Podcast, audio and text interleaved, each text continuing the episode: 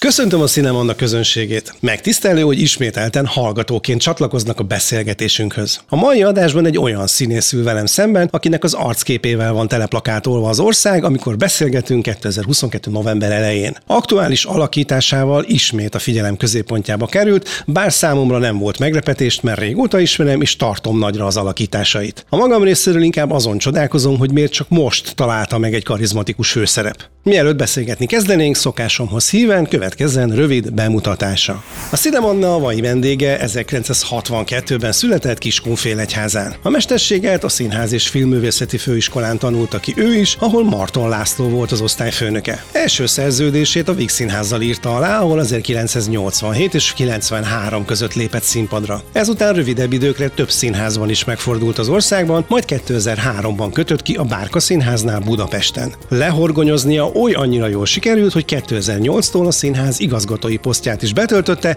2014-es megszüntetéséig. A bárka óta eltelt időszakban a Vix Színházat tekinthetjük színházi otthonának. Kamera elé 1986-ban állt először az Esztergályos Károly rendezte hajnali párbeszéd tévéfilmben, majd feltűnt a Linda és a Privát Kopó sorozatokban is.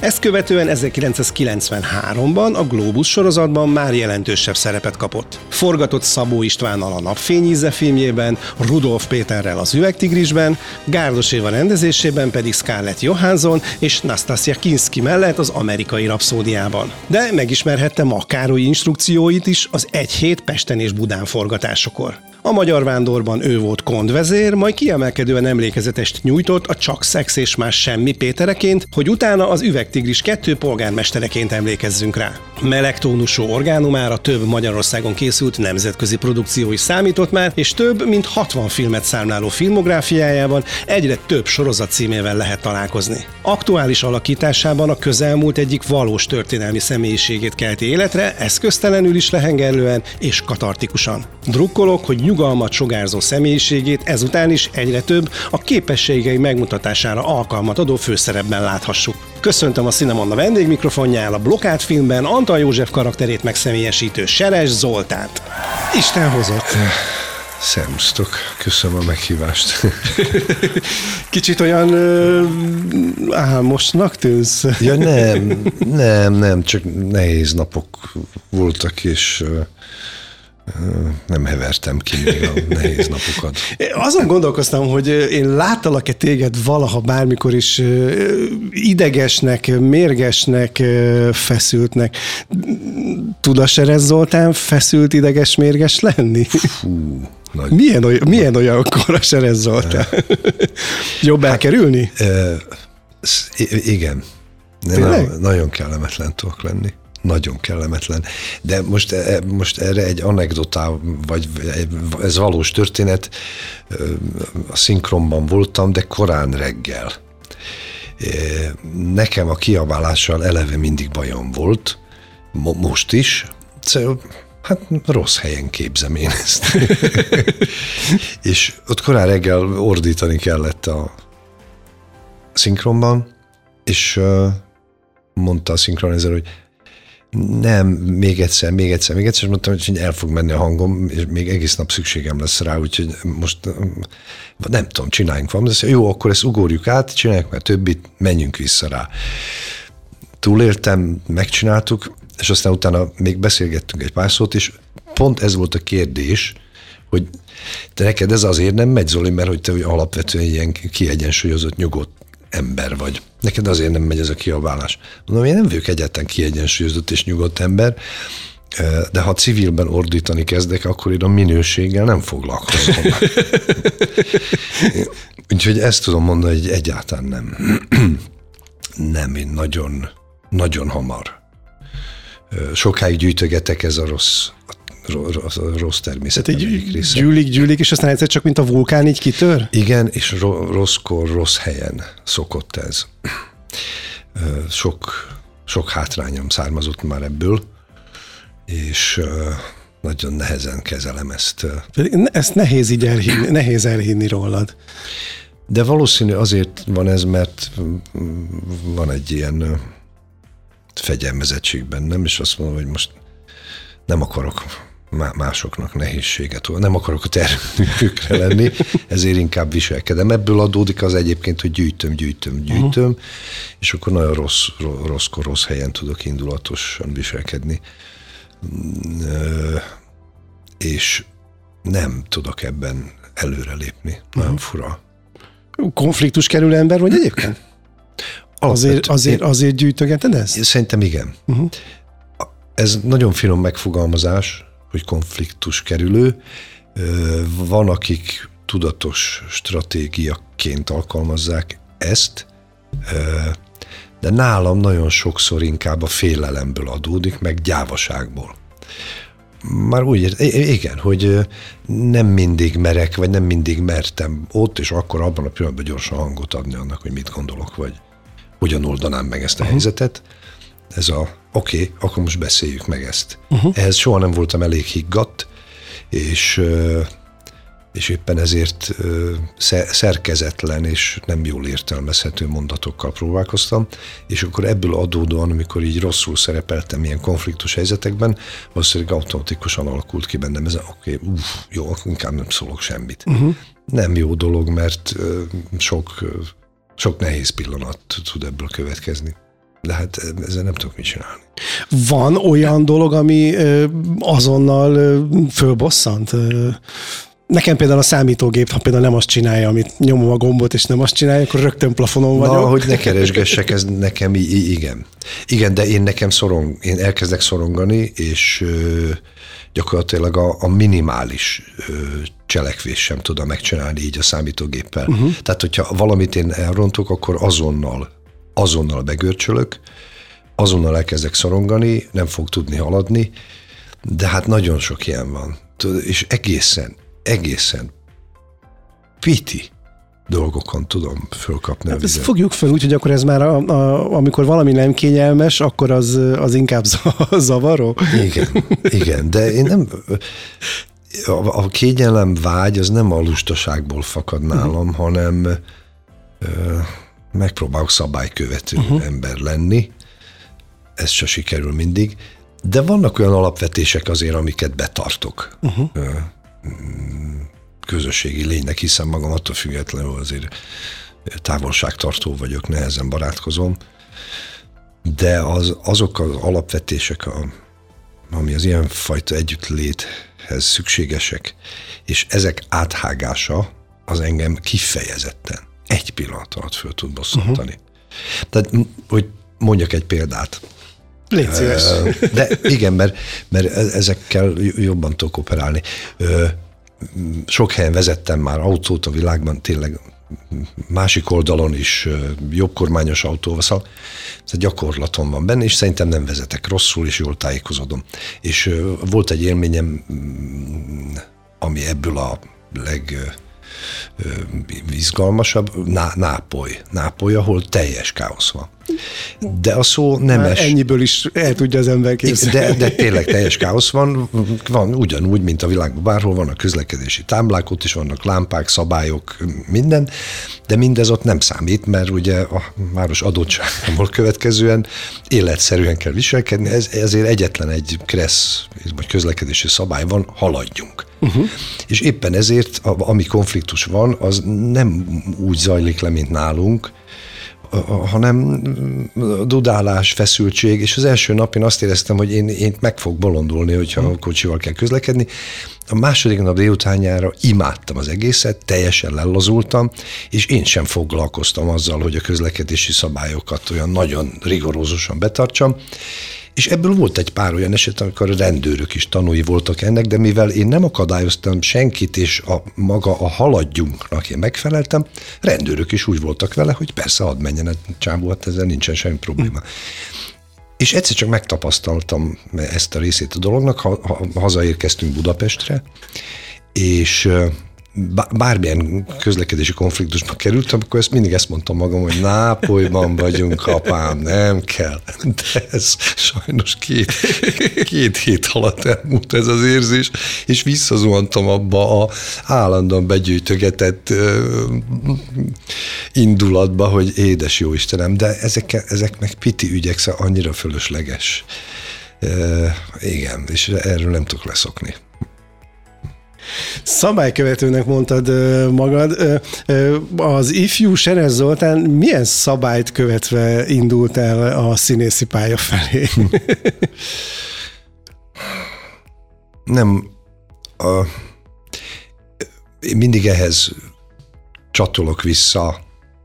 Én röplabdáztam Kecskeméten, Kecskeméten a Katona József gimnáziumba jártam, ami egy egészen fantasztikus intézmény volt, csodálatos tanári karral, akkor a 70-es évek közepén. Én ott kezdtem, nem ott kezdtem röplabdázni, mert általános iskában, de a Katona gimnázium az a röplabda egyik fellegvára volt. Itt most ez országos szinten mondom. És ott azért én tanult, fegyelmet tanultam sportolóként, ez alapkérdés. Persze csibészek voltunk, ki nem. De megtanultunk egymásért játszani akkor is, hogyha nem vagyunk barátok. És ö, voltak kőkemény iratlan szabályok, amiket betartottunk, amiket megtanítottak nekünk, és ez, ez nagyon-nagyon belém ivódott. Emlékszem, hogy megint érthető legyek egy példa, az én generációm, tehát a 62-es generáció, akkor mi mi voltunk az országban a legjobbak, kezdem kérdés. Korosztályos szinten, aztán az ifjúsági válogatottban is, később a felnőtt válogatottban is, abból a generációból, meg a megelőzőből nagyon sok válogatott röplabdás volt. És az én két mesterem, a Beregszászi Szabolcs és a Dunst Ferenc voltak, aki egyébként a gimnáziumban testnevelő tanárom is volt, mm, férfiakat is neveltek az érők közben. És most a történet, hogy mm, mi a szabálykövetés, vagy a tisztelet, vagy az együttműködés. Játszottunk egy meccset, ahol valami nagyon-nagyon távoli országrészből érkezett röplabda csapat. Lelkesek voltak, ám nagyon képzetlenek. Klasszis különbség volt a két csapat közt, mi pedig a kellő nagy képűséggel álltunk ehhez a meccshez. És hát volt egy ilyen vicces játék köztünk, hogy gyakorlatilag így a két kezünket megfogtuk, és így az ujjainkat megnyomtuk, így finoman, és mondtuk, hogy na akkor kezdhetjük. Tehát ez volt a bemelegítés. Uh-huh. És elkezdtük a meccset, ez a, az attitűd, ez folytatódott, és teljesen váratlanul az edzőnk egyszer csak időt kért. Vezettünk 12-0-ra. És nem is értettük, kimentünk, mire most az időkérés. És akkor azt mondta, hogy ha ezt még egyszer meglátom, az a zavarlak benneteket, és oda fogják írni a meccset. Játszatok tisztességesen. Legyen ez 15-0, de ezt vegyétek komolyan. Mert ez olyan pofátlanság és olyan tiszteletlenség, hogy ilyet nem akarok még egyszer látni. Uh-huh. És akkor ezekből volt még egy pár, és akkor így megtanultuk azt, hogy ez, ez nem pálya itt. És amikor színművészet is lettem, vagy később a színházban, ez mindig ott volt bennem, aztán ez kopik, mert az ember elől akar állni, nem olyan konfliktusok vannak azért, mint a sportpályán. Főleg nem a röplabdán, mert a háló két oldala van. Lehet kacsingatni, meg cicegni, meg átsugdosni disznóságokat, meg hülyeségeket, de nem szokás. Tehát az, az nem úri dolog. De azért ez mégiscsak megmaradt, és ebből időről időre mindig szembe jön néhány momentum, ami figyelmeztet engem arra, hogy ezt a, ezt a kis közös játékot, az alapszabályok arról megfelelkeztem. Többször is eszembe juthatna egyébként. Egy ilyen mm, Szavaló verseny? De, de, ezt valahol mondtam, igen, a Kato, ugye Katonai József gimnázium, és akkor ott minden évben volt verseny, prózamondó verseny, vers és prózamondó fókuszálva mondjuk Katona Józsefre, és aztán azt hiszem, hogy harmadikos voltam, és egy osztálytársammal csináltunk a Bang Bangból valami jelenetet, és azzal nekünk nagyon nagy sikerünk volt. Mi ott meg is nyertük azt a ott a gimnázium belül ezt a dolgot, és aztán már nem mentünk tovább, mert valami technikai akadálya volt, hogy menjünk tovább ebben a dologban. De ott kaptam biztatást, hogy ez milyen jól volt, nagy boldogság volt megélni ennek a sikerét. Hát ugye tudom képzelni magam 17 évesen bánk-bánként. Azért vicces. De hogy e, e, ez volt az első olyan, amikor néhány fokot fordult a fejem. És akkor elkezdtem komolyabban érdeklődni, ott volt a színházban egy fiatal színész, a Szendrő Iván, aki csinált egy ilyen színjátszóklubot éjszakánként, esténként, és akkor oda elkezdtem járni, párhuzamosan persze röplabdával, ami azért sokszor kemény volt, mert ott tudom, este 11-ig, amikor ő neki szabad estével, akkor este 11-ig is tartottak ezek a foglalkozások. akkor másnap reggel fölkelni. Volt úgy, hogy reggel hétkor volt edzésünk bent uh-huh. a gimnáziumban. Azért Hét, az... Héttől 3 8 ig azért az, az kemény Igen. volt. Az kemény volt. De aztán, ahogy ebben elmélyültem, vagy elmélyültem, jobban érdeklődtem, akkor egyszer csak kíváncsi lettem ennek más rétegére is, nyilván vagy ösztönösen, semmiféle tudatosság nem volt ebben még akkor, és akkor édesanyám addig ügyeskedett, még ott Fekete Tibor Kecskeméten meghallgatott, és akkor azt mondta, hogy szerintem csináld. És találkoztam vele természetesen többször is, és innentől kezdve valahogy ez, ahogy az ember úgy bemegy a, a, a, a folyóparton, a vízbe, vagy a tengerbe, ben van a lába, és azt mondja, ez nem is olyan hideg, és úgy szépen lassan, úgy egyre bejebb, bejebb a térdeig ér, aztán már derekáig, és akkor elkezd ebben a vízben úszni, mert jól érzi magát, hát valahogy ilyen csapdába kerültem én. És a főiskolára rögtön fölvettek? Rögtön be tudták kerülni? Nem, nem, harmadjára vettek föl, igen. Ö, ott felvételiztem először, amikor gimnazista voltam, ö, akkor érettségiztem, bevonultam, katona voltam, akkor felvételiztem másodszor, az nem sikerült, és onnan vettek föl a Nemzeti Színház stúdiójába, uh-huh. és akkor egy év Nemzeti stúdió után vettek föl a színművészetire. A blokád most moziba kerülése mennyire rendezte át a hétköznapjaidat? Nagyon. Nagyon. Én ezt nem gondoltam. Azt tudom, hogy január 15-e volt az utolsó forgatási napom. Ez az a jelenet, amikor megérkezünk Moszkvába. Ferihegyen vettük ezt föl, ugye a régi. És egy ilyennek van utóélete, minden filmnek van utóélete, de ennek nagyon érdekesen megnyúlt számomra az utóélete. És akkor ugye kiderült, hogy októberi bemutató, és amikor én azt hittem már, hogy jó, de végül is ezt nem tudom, május, áprilisban már ez úgy el, elengedem, vagy elmegy, elúszik az időben magától. Nem, nem. Nagyon érdekesen átalakította a, a napjaimat egészen október 18-ig. Aztán persze besűrűsödött, mert közönség találkozók, maga bemutató, a interjúk, a beszélgetések, mint hogy most ez, vagy akkor nagyon sűrű volt, de ö, ritkán van ilyen, hogy ezzel úgy együtt tudtam élni, és szerettem ezt az egészet, annál is inkább, mert kivételesen nagyon örültem annak, hogy erről többet is lehet beszélni, mint mondjuk egy-egy reggeli műsorban a három perc, mert ebben nem lehet három perc alatt semmit elmondani. Él, él a reklám értéke, a figyelem fölhívás, de azért ez egy annál sokkal bonyolultabb és mélyebb tartalom, hogy három percben erről érdemlegesen lehessen beszélni, de sok mindent formált át bennem, de én azt hiszem, hogy ezt jól viseltem meg türelemmel. Az utcán most így érzed, jobban fölismernek?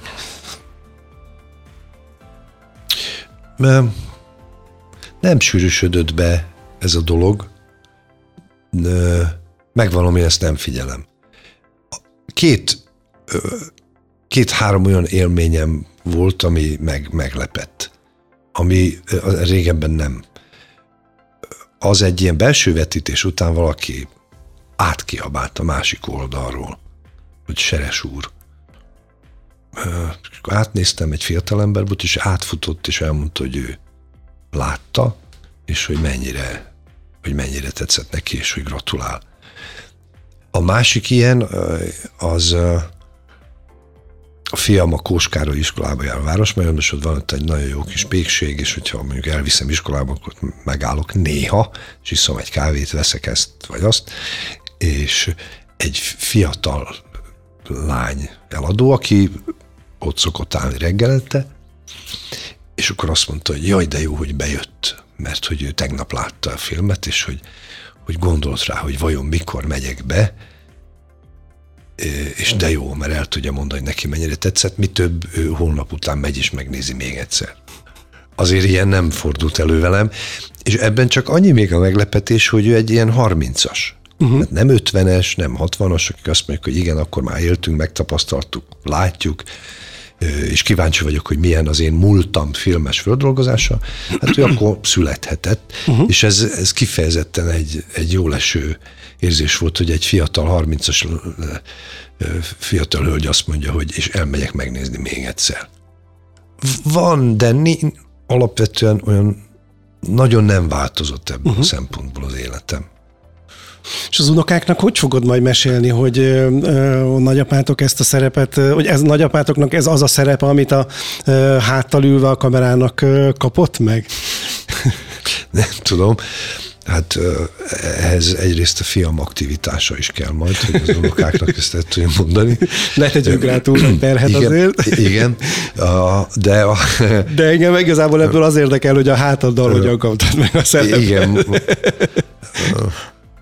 Hát ez, igen, ez egy furcsa történet, ismerünk ilyet, és tényleg az, ember röhög, és azt mondja, hogy ez velem nem történhet meg. Jó, jó sztori, de nem igaz. De ez tényleg így volt, hogy egy kollégám, barátom a próbafelvétele volt, én előző este ott voltam, és ő megkért, hogy holnap segítene, segítenék-e, hogy be, beülök. Mondtam, persze. Egy oldal, akkor este éjszakot átnéztem, másnap próbafelvétel, megcsináltuk a dolgot, de én nekem eszembe nem jutott. Tényleg nem jutott eszembe. Nekem eszembe nem jutott az, hogy és engem miért nem néztek meg Antal Józsefnek, mert én magamról nem gondoltam azt, hogy bármi közöm is lehet ez. Uh-huh. Nem is foglalkoztam ezzel. És akkor utána a Tősér Ádám, a rendező, ő fölhívtak, hogy menjek már be, mert ők kíváncsiak lennének rám. És az meglepett, de oké, okay, rajta. És aztán még egy, aztán egy következő beszélgetés, és ez lassan, mint ahogy az ember bemegy a tengerbe, a bukája, a térde, után elkezd úszni, egyszer csak ugyanígy bekerültem ebbe a történetbe. Én most persze a lelki részéről beszélek. De az hogy derült ki, hogy a te hátad van ott? Az a próbafelvételből ez egyértelműen kiderült? Nem, hát azért ott szervusztok, szervusztok, bemutatkoztunk. Uh-huh. Ö, hát ezt lehetett tudni, ott a seresül uh-huh. a másik oldalon, de hát annak nem volt jelentősége ott akkor. Legfeljebb annyi volt, hogy valóban nem az kellett, hogy oké, okay, akkor, a, akkor majd nem tudom én, a, a Gabi, aki az asszisztens, majd beolvassa, hanem én segítettem, nyilvánvaló, hogy egy színész ült ott, ez jó volt, mert nem a vakon sükete hangoztak el, csak úgy uh-huh. szövegek. Én megpróbáltam ott abban mindent beletenni, amit lehetett. Ö, aztán ö, amikor ők ezt visszanézték, akkor valószínűleg nem mindenkinek volt tiszt, hogy ki az, aki háttal ül. Uh-huh. Mert erről minek is beszéljenek, hogy és egyébként a seres segített ott háttal, uh-huh. hanem ahogy ment a jelent, azt mondta, meg ki a, a csávó, aki háttal. Mondták, hogy a seres. Tényleg? Hát nézzük már meg. Ez nagyon, de Nem tudom. Ennek számomra mi, misztikus jelentősége van, és biztos vagyok benne, hogy a, a mitológiában, vagy ezekben a nagy eposzokban, és ezekben a nagy, amik aztán mostanra ezer éves távlatokban lettek eposzok és mitikus történetek, azok is tele vannak ilyenekkel. Aminek persze más jelentőséget adnak, és nem véletlennek hívják, mert azért a mitoszok másra épülnek, de hogy valahogy ezt gondolom, hogy igen, egy csomó mindenből lesz ilyen, és aztán én bennem, és nem akarok ilyen nagy dumát mondani, de ahogy ez kialakult, és eljutottunk oda, hogy elkezdtünk forgatni és dolgozni, akkor én, én bennem addigra önmagában ez egy, ez egy ilyen mitikus történeté uh-huh. vált. Persze ez az én mitikus történetem, senki másnak nincs ez semmi köze, és nem akarom ezt itt egy másik polcra helyezni, de hogy megint a vizes hasonlat, aztán az ember, ahogy egyszer csak beúszik, akkor megérez egy áramlatot, tudja, hogy akkor ott arra nem, és ott egyszer csak otthon tud lenni ebben a történetben. Te mikor érezted meg azt, hogy ebben a szerepben te nagyon otthon tudsz majd lenni? Volt ilyen pillanat? Amikor azt érezted, hogy na most rámentem az áramlatra, és akkor ez most vinni fog? A ráció szintjén volt egy fontos pillanat. Ugye elolvastam az Oskó Judit könyvét, ami egy nagyon fontos dolog volt, és egy, egy nagyon izgalmas interjú kötetnek tartom. Az egy nagyon fontos lépés volt közelíteni sok minden apróság, sok beszélgetés, de volt egy pillanat, ami bennem egy nagy fordulatot okozott. Az az a pillanat volt, és ezt máshol is elmondtam, de fontos, mert nagyon szép, hogy amikor az Antal bementek a kórházba, a Kútvölgyiben, ö, és kiválasztották a, a kórtermet, ahol ő majd ahova befekszik, és volt egy kórterem, amihez ő ragaszkodott, és nem értette senki, hogy miért ahhoz ragaszkodik, mert ez egy kicsi szoba volt. Kicsi, kényelmes, zsúfolt. És a kormányőrök mondták, hogy ez nem lesz jó, mert ide be kell majd pakoljunk egy csomó minden fontos dolgot, telefon, televízió, hát felszerelni ezt. Uh-huh akkor nemzetbiztonsági kockázatról szerintem nem nagyon van értelme beszélni, hiszen egyébként Antal József maga még a lakásáról járt Igen. le, mint miniszterelnök, ahol egyébként nagyon különös volt, mert ott egy napot forgattunk az a reggeli kép, amikor beülnek a, az autóba és közlik uh-huh. vele, hogy nem jön az olaj. És azt ott vettük föl a ház előtt. Uh-huh. Az nagyon furcsa érzés volt, ez egy nagyon furcsa érzés volt. Na mindegy, visszatérve erre, és akkor kiderült, hogy ez a szobához az Antal ragaszkodott, mert az apukája ebben a szobában feküdt. Mi több, ott halt meg, abban a szobában. Ez később derült ki, hogy ő miért ragaszkodott ehhez. És én bennem ez egy, ez egy 180 fokos fordulat volt, hogy egyszer csak innen elkezdtem egy embert megérteni. És valami olyan a szíven ütött. És nem tudok erre mit mondani, szíven ütött az a, az a bátorság, az a keménység, az a tisztánlátás, sőt, mi több, előrelátás, ami ebben a döntésben volt. Uh-huh. Az a ragaszkodása, hogy azt mondta, hogy ez. És a magam megfejtésében azt is hozzátettem, hogy mivel egy intelligens emberről beszélünk, ő benne az is benne volt, hogy ha bármi rossz történik, akkor az történjen itt.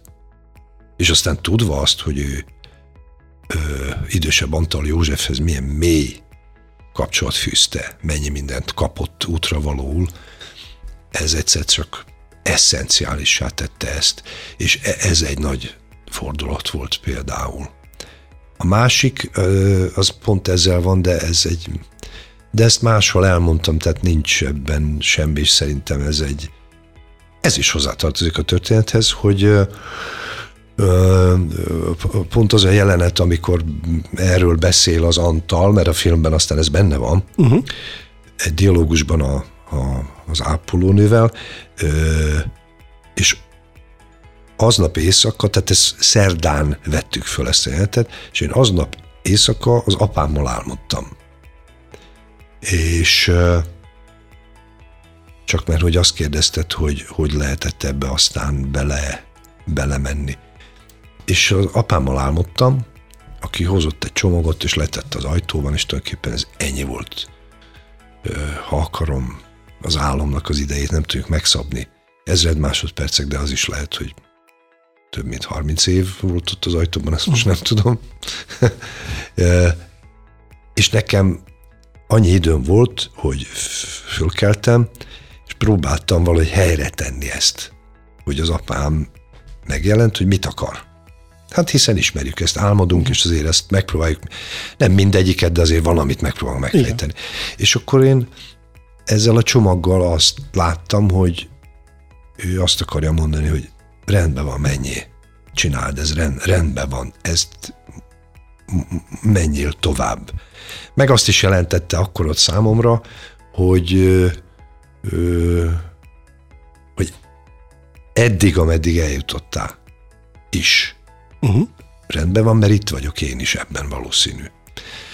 És akkor én nagyon megnyugodtam, bár ez nem mondhatnám, hogy a forgatás első napja volt, de nyilvánvaló, hogy ez egy furcsa megerősítés volt. És ehhez képest adott esetben, hogyha megcsináltunk valamit, és fölvettük, és akkor megkérdeztem az Ádámot, ugye a Köbli Norbert, a forgatókönyvíró, uh-huh. gyakorlatilag majdnem minden nap ott volt. Vagy az operatőr, az András, akit mindig óvatosan kérdeztem, mert ő mondta, hogy részemről oké okay volt, tehát ő, ne, tehát ő nagyon finoman vett ebben részt, de azért egy tekintet sok mindent mond és volt két-három olyan, amikor odajött és mondott valamit, de nem instrukció szinten, hm. hanem az ő, ő akkori állapotáról számolt be a dologgal kapcsolatban, ö, hogy mind ezek a dolgok, hogyha megerősítést kaptam, vagy az, hogy oké, okay, ez rendben volt, ö, mellérendelésként jöttek ehhez az álomhoz. Ezek nem tudták ezt fölírni. Lehet, hogy egy szakmaiatlan dolog, amit most mondok, de ennek a kis betétnek számomra óriási jelentősége volt. Igen. És ott egy egészen más nyugalom szállt meg, amikor ez, ez megtörtént. Azt, hogy az Antal családdal is találkoztál még a felkészülés folyamán, az adott pluszt? Hogyne. Hogyne, hogyne, hogyne. Nagyon nagy pluszt adott. Antal Györgyel találkoztunk, mert akkor Igen, ugye, a Tóth Ildikó is Igen. ott volt azon a, azon a délelőttön, és ott volt az Antal. Akivel érdekes módon most játszottatok együtt Igen. először. Igen, ez volt az első alkalom. Sem, sem film, sem... Se színház, semmi, se színpad, semmi, semmi. Szinkronba se voltatok egy? Nem, nem. Mert az Ildi nagyon sokat nem is szinkronizál. Nem, ő, ő nem, ő Igen. nem. De én ezt köszönöm. Ez egy szintén egy ajándék ő egy csodálatos színésznő szerintem, és nem hiszem, hogy bárki van, aki ezzel vitatkozna. Uh-huh. Ha valaki akarna ezzel vitatkozni, annak szívesen odaállok. nem leszel egyedül. Ne, igen. És nem leszek indulatos. Igen. hogy az egy nagyon-nagyon jó beszélgetés volt. Egyrészt megnézni Antal Györgyöt. Uh-huh. A beszélgetés alatt keresni, kutatni, az apukáját. Aki úgy beszélt róla, mint az apukám. Uh-huh. Majd kiderülnek dolgok, amik a könyvben nincsenek, mert miért is lennének, uh-huh. és ennek a beszélgetésnek is ennek nem az volt a tárgya, hogy most akkor a könyvben mi van, mert ők ezzel ilyen módon nem foglalkoztak. Hát velünk aztán pláne nem. Uh-huh. Az, hogy az Ádámmal vagy a Köbli Norbert, de ott nem folytak ők ebbe olyan nagyon, uh-huh. nem is akartak. Tehát ők szerintem nagyon diszkréten, elegánsan addig közelítettek ehhez a dologhoz, amíg kellett és lehetett. Rengeteg, nagyon jó beszélgetés volt, derűs, humorral tele, nagyon őszinte, nagyon nyílt, semmi misztikum nem volt uh-huh. ebben az egészben. És ez, ez egyszer csak úgy a szó jó értelmében leegyszerűsített bizonyos dolgokat, meg meg is értettem. Uh-huh. Ami, most ne beszéljek ilyen rébuszokban, hogy um, hogy micsoda, hum, hogy milyen humora volt. Mondta Józsefnek, amit én eszembe nem jutott volna. Tehát ahogy én akkor néztem őt a televíziós és egyéb megnyilatkozásaiban, hát nekem minden eszembe jutott, csak nem. A nyugodt erő. A nyugodt erő, igen, mert azt mondta, hogy oké, okay, csak ez annyira nyugodt, hogy hogy most meguntam, hogy, hogy milyen humora volt. És hogy milyen szellemes volt. Nem csak az, hogy humora volt, hanem szellemes volt, és akkor ott elhangoztak anekdoták, ami csak megerősített abban, hogy, hogy ez... Én most azért ülök csöndben, félig nevetve, mert tudom, hogy mondtál néhány, hogy két anekdotát már nekem adáson kívül, I, I, amit most nem fogunk tudni szerintem elmondani. Igen, most nem tudunk elmondani, mert... De nagyon vicces volt. Igen, igen. mert a copyright az nem biztos, hogy... Igen, igen, de ez, ez nagyon-nagyon fontos volt. Vagy például, és szerintem az Ildinek is fontos volt. Uh-huh jó, nagyon jó délelőtt volt. Uh, nagyon fontos volt a Kónya Imrével való beszélgetés, mert ő egészen más oldalról, mint ugye jobb kezem, vagy későbbi miniszter, és egyáltalán az ellenzéki kerek, tehát az egész rendszerváltásban azért ő egy, egy, egy fo, fo, igen, egy kulcsfigura volt, és egy meghatározó személyiség, hogy az a beszélgetés is nagyon oldott volt, na, nagyon jó hangulatú, és volt benne egy olyan lazaság, ami az Antal személyiségére nézve is aki bennem okozott egy ilyen lazaságot. Hogy oké, okay, de nem kell itt görcsölni ebben a dologban, keresni kell a találkozási pontokat. Uh-huh. Hol vannak a találkozási pontok? Ö, amitől egyszer csak a, a hogy mondjam, a, abban segít, hogy de szeretem ezt a találkozási pontot. Ezt is szeretem. Ó, mikor jutunk el oda, hogy ott is van egy találkozási pont. És ezek, ezek mind nagyon föl, föllazítottak, vagy könny, könnyűvé tették a lelkemet. Mondtál egy nagyon jót, hogy kaptál egyszer egy, a, pont a premier után kaptál egy nagyon jó kritikát az Antal unokájától. Azt elmondod, hogy az mi volt, mert az nekem annyira tetszik. Igen, ez, de, de milyen különös. De, de, van, de ebben, egyébként ebben is van, van valami nagyon derűs és szórakoztató. Ugye az volt, hogy ők megnézték a filmet, Antal György, és ugye a család, és két lány, már nagyok, megnézték, és azt mondták, mondta a Györgynek, hogy néztük a serest, és te milyen érdekes apa, hogy néhány gesztusa teljesen olyan, mint a tiéd. És amikor ezt elmesélték nekem, akkor én nem hittem a fülemnek.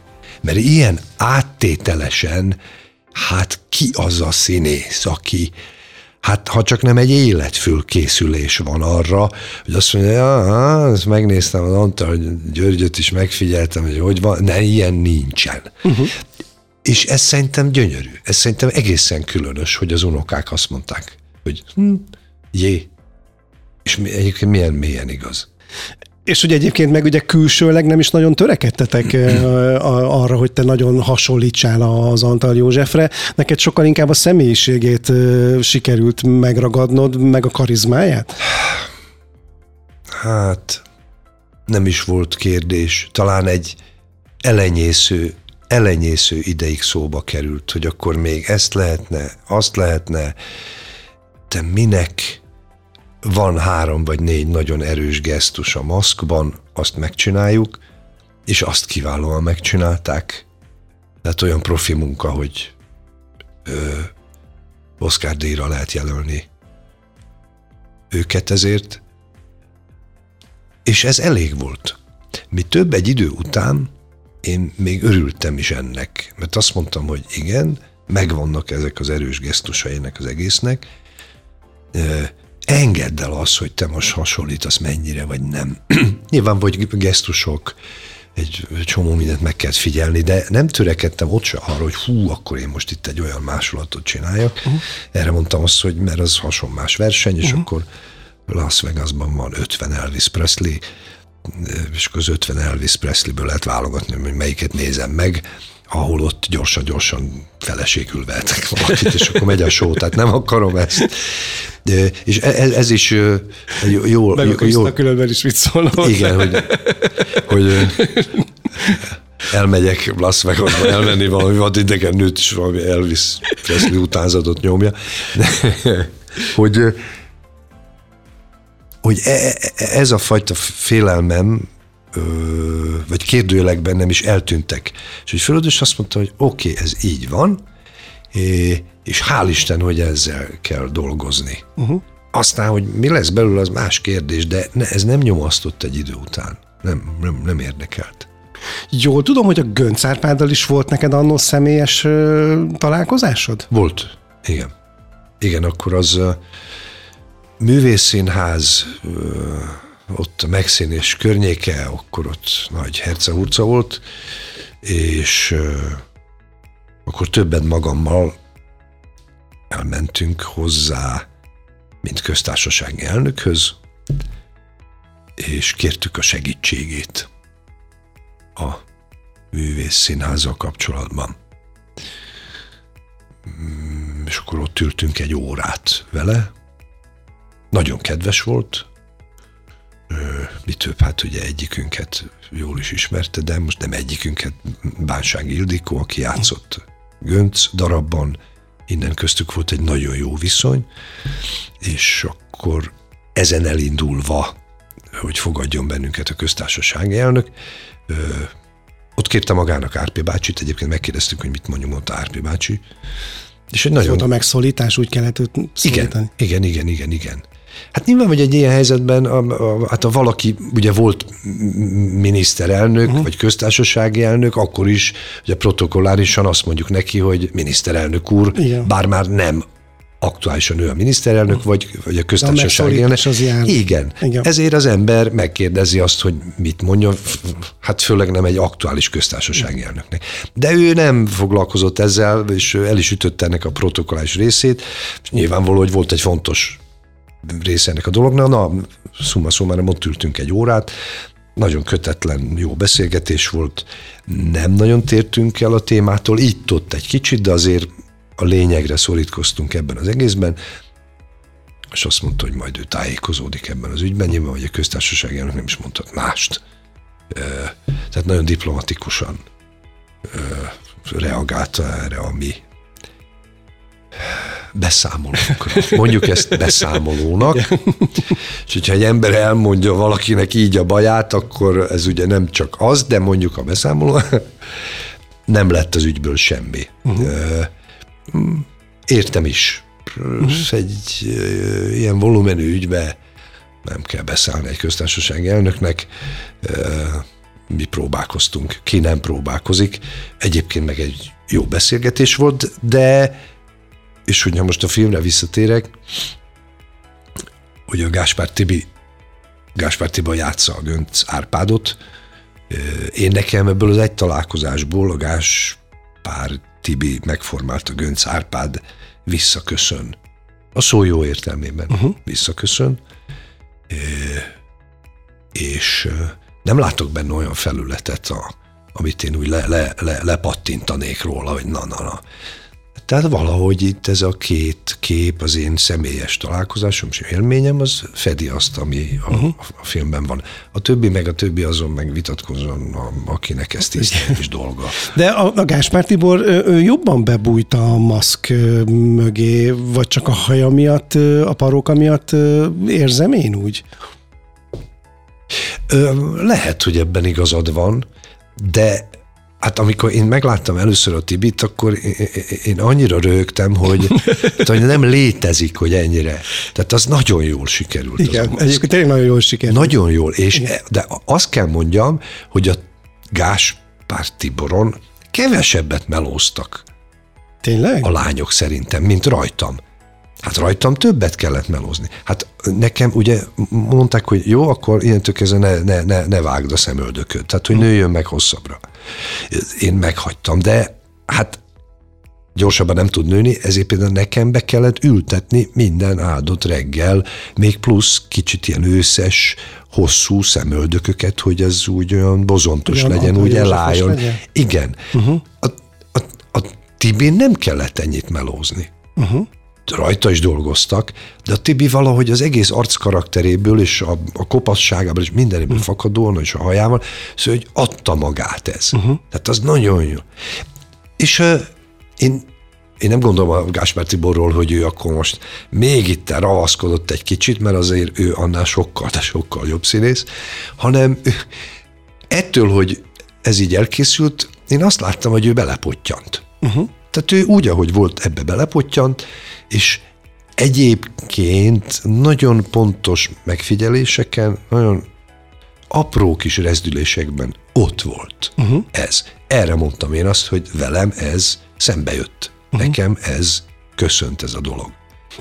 Nekem az alakítások szintjén abszolút ö, tökéletes volt a film. Tehát ugye én is akkor már úgymond öntudatra ébredt ö, ember voltam, amikor ez a blokkád történt, és nyilván ezek a politikai szereplők előttem vannak, ö, de abszolút, abszolút nem érzek hamisságot egyik karakterben nem, sem. Nem, nem, nem, én sem. A, nem, nem, nem.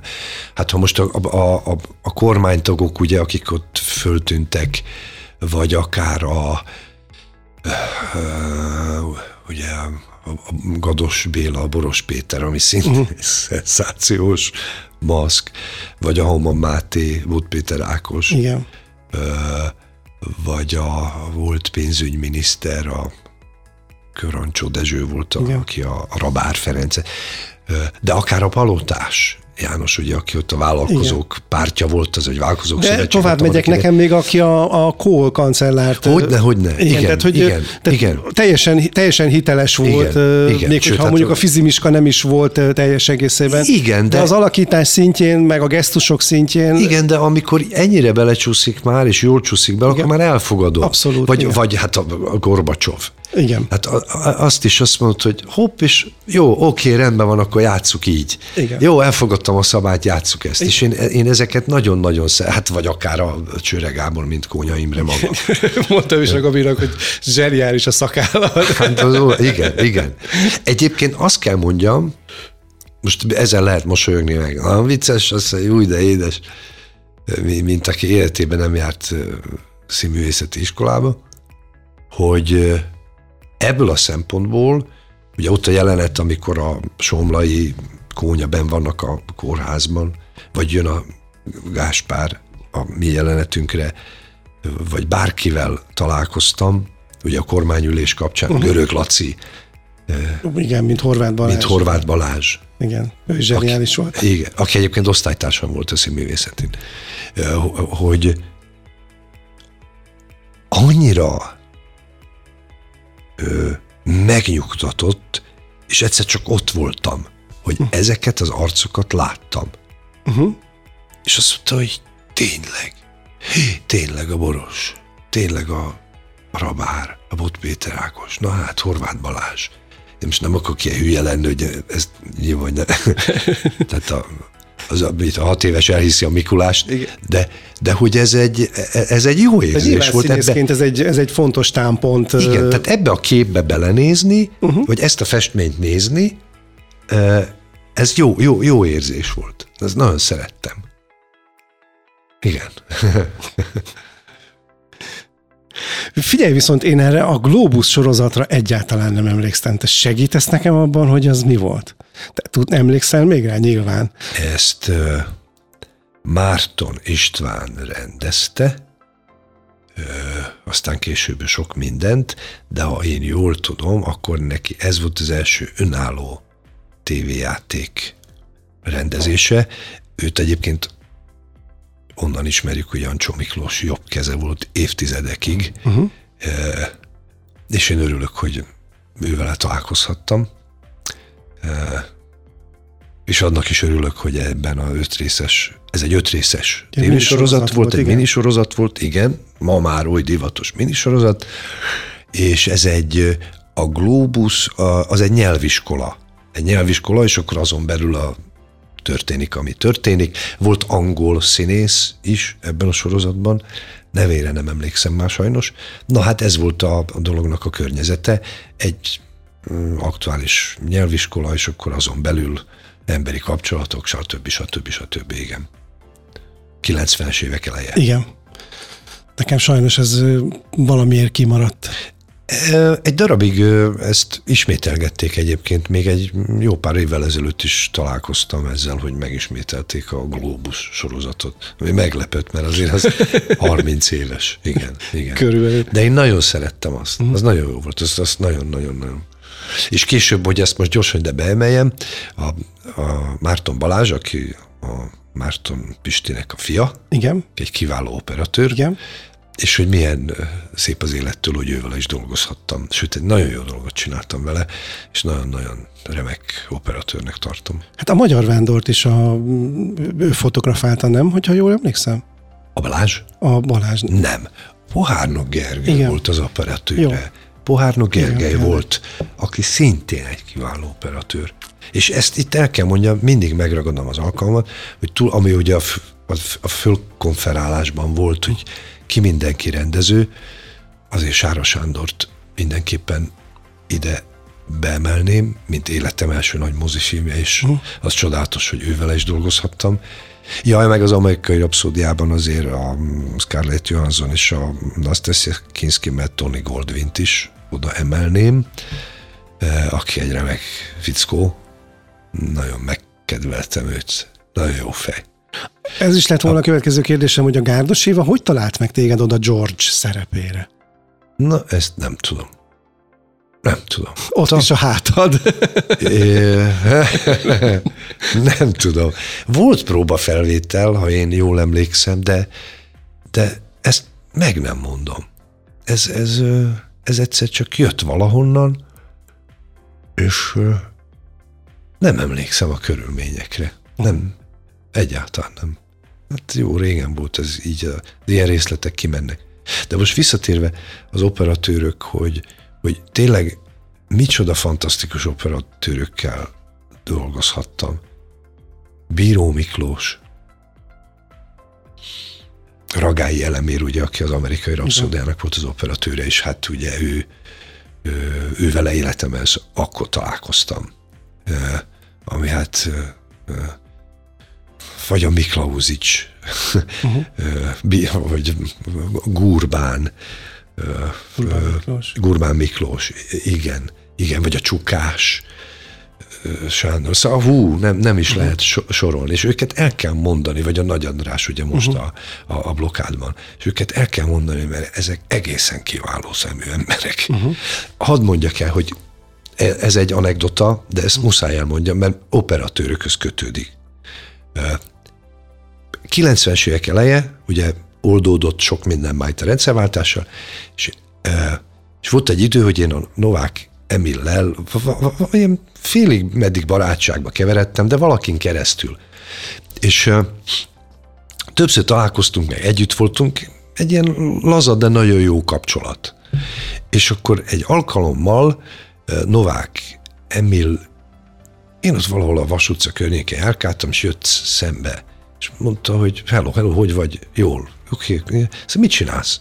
No, most épp semmit, mert szabad a délutánom, majd este játszom, vagy nem. Azt mondja, melyik a Szent Királyba? Eljössz velem, dumálunk, sétálunk. Jó, oké. Okay.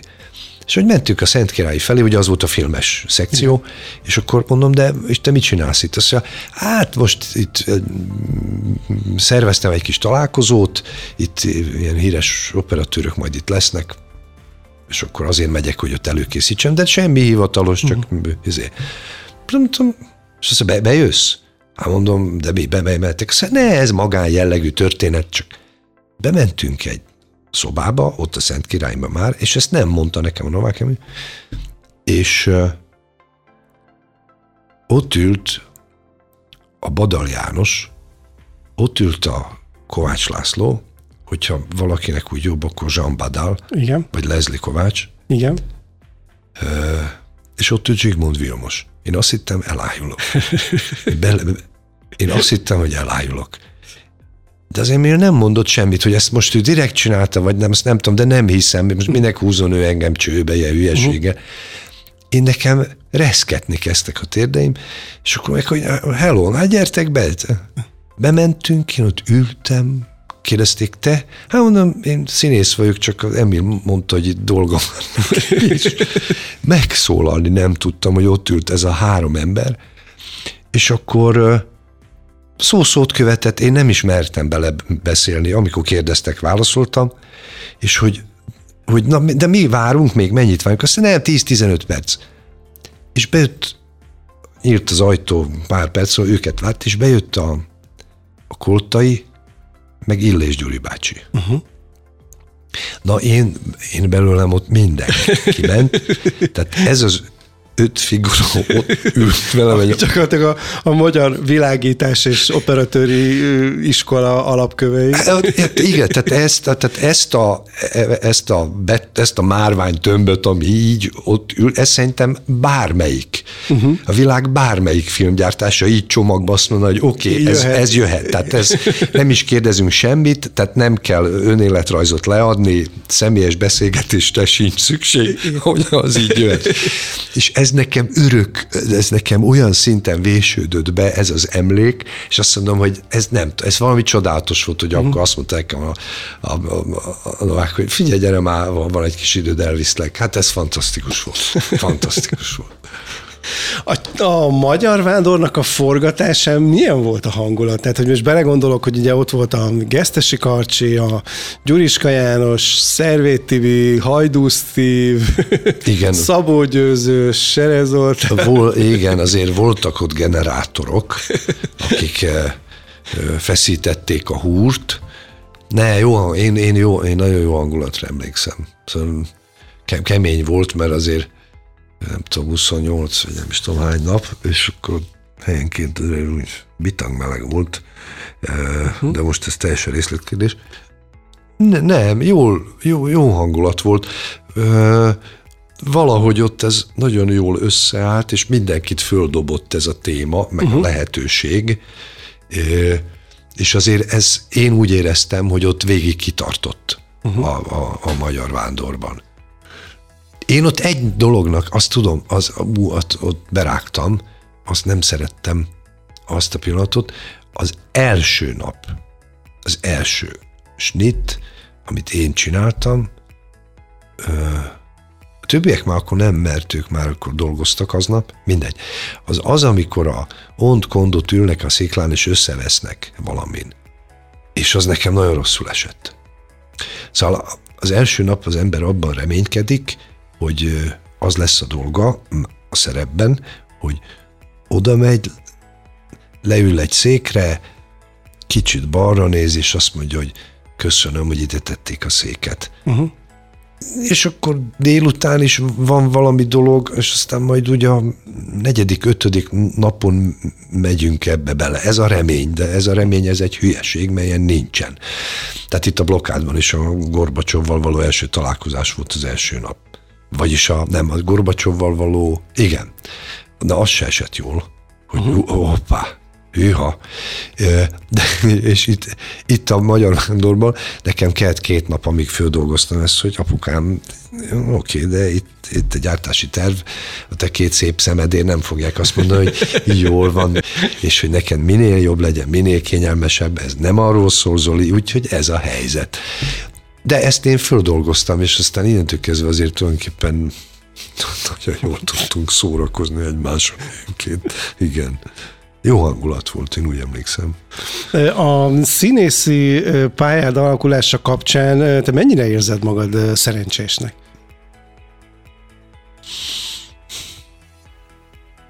Ezt két részre kell bontani. Van a, a, a színházi része, meg van mondjuk a filmes része. Ö, ha még bontogatni akarom, akkor mondjuk van ennek egy rádiós része. A, hogy rövid legyek, a filmes vagy rádiós részében én azt hiszem, hogy én szerencsés vagyok. Ö, nem azt hiszem, szerencsés vagyok. No, tegyük le a pontot. Azért vagyok szerencsés, mert amikor én fiatal, 87-ben végeztem, jött a rendszerváltás, azért ott nagyon sok minden széthullott. Széthullott a magyar filmgyártás. Széthullott a tévéfilmgyártás. Tehát egy csomó minden. Most azt nem mondom, hogy alkotó elemeire, de azért ott komoly baj volt. Tehát az én generációm alól csúszott ki egy kicsit ez az egész És én szerencsés vagyok, mert engem ez így, ilyen módon nem érintett. Tehát ha most végig gondolom, nem tudom, amit mondtál, 60 66. Igen, Szemszakilag 66. Igen, tehát azt mondom, hogy 35 éve végeztem ez alatt ilyen kicsitől Antal Józsefig közel 70 ö, tévéfilm, tévéjáték, vagy film, vagy sorozatban szerepeltem. Aki erre azt mondja, hogy nem szerencsés, az szégyelje magát. Ez ilyen egyszerű. Valahogy mindig a, a, a Jóisten úgy gondolt rám. Vagy valakiket arra kényszerített, hogy gondoljanak rám. ha más nem a hátad, maradjunk a hasonlat. Igen. A, ez a, a híres színész, aki a hátával kapott szerepet. A, a színház az, az nyilván, hogy az a tradíció, az a gyökerünk, ott vannak azok a kapcsolódási rendszerek és mélységek, ami állandóan forog, mozog, változik, az, az, az hullámzó. Az hullámzó. De ebben a hullámzásban azért a, a belső késztetések, vagy a saját magam döntései, azok inkább 70-30 arányban vannak, tehát nem terhelem senkire a felelősséget azokért a hullámokért, amik váratlanul értek. Nem vagyok mindig elégedett azzal, ahol tartok, de minden, azt nem tudom, azt is valahogy, hmm, hogy pontosan meg lehessen fogalmazni. Minden olyan döntés, ami hullámvölgyet okozott, minden olyan döntésnek olyan szakmai következményei voltak, ami, ami visszaigazolást adott nekem a döntésben. Hogy aztán ez milyen nehézségekkel párosult, ez egy másik kérdés, de rám kerültek azok a fajta átlátható lemezek, amik megvédenek, de mégsem veszítettem el teljesen sem a józan eszem, sem a személyiségem, és ebből adódóan minden hullámvölgynek van haszna. Ehhez nagyon nagy türelem kell, és kell egy viszonylag jól nem túlfeszített és jól hangolt idegrendszer, akinek nincs meg, az nem, nem. De közben úgy vagyok vele, hogy azt mondom, hogy ha úgy van, hogy eddig tartott, akkor bizonyos szempontból meg kell tudni állni, és azt mondja, hogy oké, okay, úgy látom, hogy akkor itt ez eddig van. Furcsa módon sokkal több ö, váratlan, nagyon érdekes, a színházban így 35 év után sokkal több váratlan dolog jön nekem mégiscsak szembe, ö, ami ellen nagyon nehéz védekezni, ö, és türelemmel átlépni rajta. De ezek a váratlanok, ezek inkább jók vagy rosszak? Hát a jót nem nehéz földolgozni szerintem. Nem történt még velem olyan jó, amit nem tudtam volna földolgozni. Persze, ezek rosszak. Ezek nyilvánvaló, hogy rosszak. É, és a, tehát most 61 éves leszek, hogy eljut oda az ember, hogy azt mondja, figyelj, nem akarok már itt alakoskodni, meg játszani az eszemet, szóval nem. Nekem ez nincs kedvem. Vagy azt mondja az ember, igen, kötelességből, oké, okay, fegyelmezett vagyok, vagy alázatos, motiváció nincs, de böcsületből megcsinálom, vagy azért, mert ide tartozom, és ezt meg kell csinálni, és ezért is, ezért is, ezért felelősségem van. Oké, okay. ezeket ezeket tudomásul kell venni. Nyilvánvaló, hogy ö, ö, olyan rossz, olyan nagy rossz váratlanul már nem érhet, de azért van. De azért van. Van. Akkor mit mondjak, hogy türelmet és még erősebb átlátszó lemezeket kívánok ehhez? A, ne, az fontos. A türelem, az nagyon-nagyon fontos. Az nagyon fontos. A, Hát a páciens, ugye? És az a paciencia szóból van. Uh-huh. A türelemből. Tehát ha meg akarsz gyógyulni, akkor légy türelmes. Legyél jó páciens. és az nagyon-nagyon sokat ér a türelem mert a szerepek azok rendkívül érzékenyek, nőnemű, minden szerep nőnemű, a legnagyobb mélysége nőnemű, és éppen ezért nagy empátiával, diszkrécióval és türelemmel kell hozzá közelíteni, meg különben még az előszobába se enged be. Hát ez tökéletes szó. Köszönöm szépen. Köszönöm szépen, én is köszönöm. Cinemanna. Itt a 98.6 Manna FM-en. Mára ennyi jutott a Cinemannából. Köszönöm Seres Zoltánnak, hogy elfogadta meghívásomat, és ismét egy jót beszélgethettünk. Ha a hallgatók közül bárki lemaradt volna a műsorunk elejéről, a Manna FM oldalán lehetősége van azt visszahallgatni. Ha tetszett a Cinemanna, a közösségi média felületeken a like is jöhet, minden megosztásért pedig külön köszönet. Nemes Ambrus technikus kollégám nevében is köszöni figyelmüket Dudás Viktor, remélem hamarosan újra találkozunk a Viszont hallásra.